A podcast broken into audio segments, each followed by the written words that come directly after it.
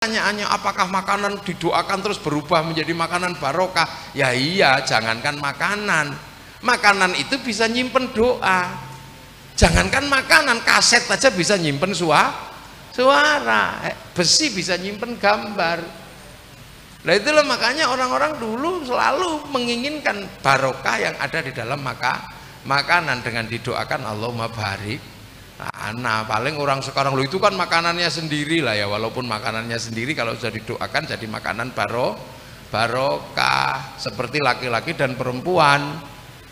Laki-laki dan perempuan ketika datang ke KUA ya bajunya ya itu, warnanya ya itu, tapi ketika sudah di dalam KUA terus didoakan mobil tunikah terus barokallahu laka wa barokah alaika, ketika keluar dari KUA ya barangnya masih sama, belum berubah celananya ya masih itu, andeng-andengnya ya belum berubah, tapi kedudukan dan nilainya beru, berubah, bukan lagi laki-laki dan perempuan, tapi suami is, istri jiwit ganjaran, depuk bokongnya baro, barokah nyopot katoe baro, baro kalau itu kan perubahan nilai.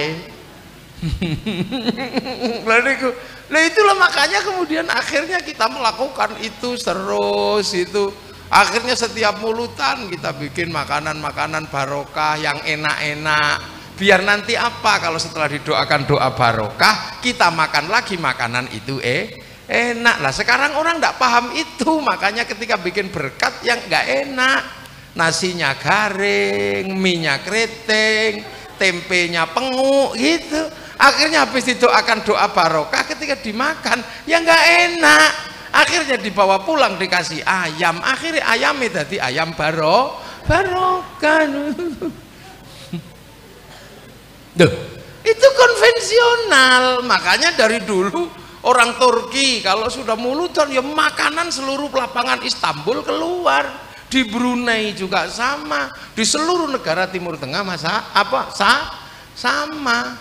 Hanya pernah di Arab itu masalah di Makkah Madinah masalah karena setiap orang mulutan teringat pada Rasulullah yang cucunya dibunuh oleh Mu'a oleh Yazid bin Mu'a. Iyalah akhirnya orang mikir Yazid itu hanya memang kurang ajar bunuh cucu Rasul. Akhirnya teringat kampung halamannya Yazid itu nah Najd akhirnya bahas orang Najd sementara penguasa Haromen penguasa Saudi itu orang nah Najd daripada bahas Najd tambah ruwet akhirnya kemudian maulid nabi di sana dilarang oleh pemerintah karena secara politik berbahaya karena membicarakan asal usul ibnu Sa Saud itu aja lah makanya di dunia bergerak.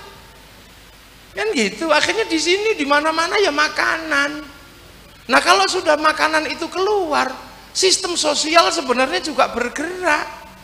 Nilai ekonomi bergerak karena langsung besek laku ikan ayam ingkung laku sound system laku terop laku apalagi kalau memanggil solawatan manggil solawatan Habib Syekh bendera laku odong-odong laku gagang pancing gini-gini laku.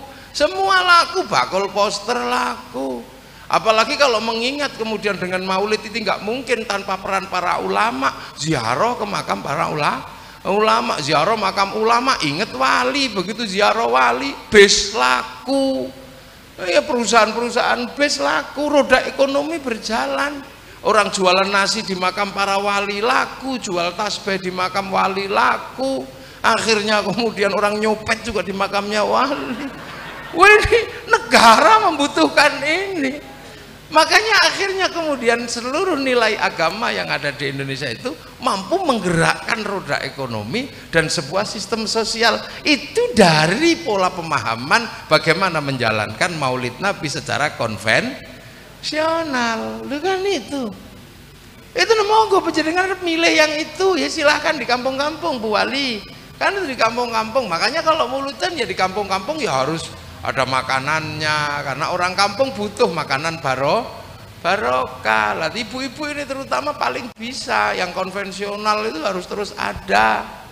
Jangan sampai lupa. Itu roda ekonomi jalan. Gagang pancing aja bisa laku untuk gini-gini. Besek laku pasar bergerak. Roda ekonomi bergerak. Tidak ada lagi ya khudu ala to'amil miskin bergerak nggak perlu masak setiap hari yang penting datang ke mulutan makan udah. Dapat berkat. Nah itu. Nah perspektif itu itu juga harus diimbangi bahwa kaum muslimin juga mengalami pergerakan perubahan sistem kebudayaan, perubahan sistem sosiologi dan perubahan sistem antropo untuk terjadi perubahan, terjadi pergeseran. Kalau mengingat kelahiran Nabi ya di Mekah. Nabi lahir di Mekah.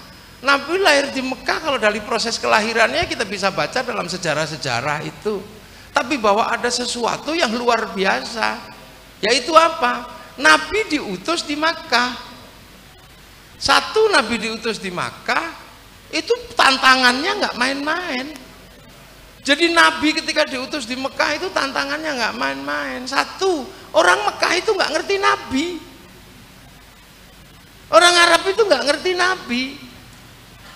Karena apa? Arab itu penyembah berhala. Yang ngerti Nabi itu adalah orang yang beragama, yang punya kitab suci. Nah, pemegang kitab suci itu ada di Filistin sama di Madi, Madinah. Jadi saya ngerti Nabi itu wong Yahudi Nasrani panggonane di Madinah sama di anu di apa? Palestina, di Mekah nggak ngerti Nabi.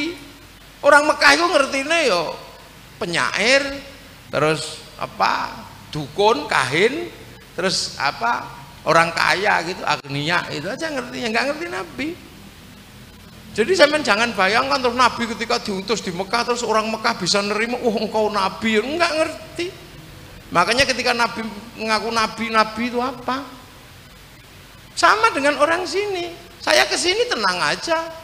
Walaupun datang terlambat atau apa nggak ada masalah. Wong orang Mojokerto ngerti kia kiai. Karena sudah diajarkan oleh para pendahulu tentang konsep dan sosok kia kiai. Tapi bagi orang irian di pedalaman ketika saya datang mereka nggak ngerti konsep kiai. Nggak mungkin saya marah ketika mereka nggak kenal kalau saya kiai. Paling kalau sampai sana saya dikira tim pemburu babi jadi nggak ngerti kiai itu apa itu nggak tahu orang sana. Apa nabi itu nggak ngerti makanya ketika nabi mengaku sebagai nabi ya orang Arab apa nabi? Ngerti. Nggak ngerti nabi. Makanya ketika nabi dilawan ya Allah mati fa innahum la alamun belum lagi masalah yang akan disampaikan oleh nabi. Ini masalah yang cukup serius bagi orang Arab. Karena secara sosiologi dan antropologi nggak cocok Nabi diajarkan untuk mengajarkan Tuhan yang satu. Bagi orang Arab Tuhan satu itu tidak mudah dipahami karena orang Arab itu ngertinya Tuhannya bah, banyak. Diajarkan Tuhan yang tidak kelihatan bagi orang Arab susah memahami karena ribuan tahun orang Arab itu bertuhan dengan ada wujud wujudnya. Akhirnya jalan keluarnya apa? Jalan keluarnya ya ubudullah ka'annaka tarahu fa illam takun tarahu fa innahu ya roka ya udahlah beribadahlah engkau kepada Allah seolah-olah engkau lihat Allah. Kalau kau nggak lihat Allah yakin Allah lihat engkau. Jadi tidak mudah. Sholat apakah mudah? Nggak mudah. Beribadah yang biasanya di depan ada bentuknya tiba-tiba sholat nggak ada apa-apa. Ya susah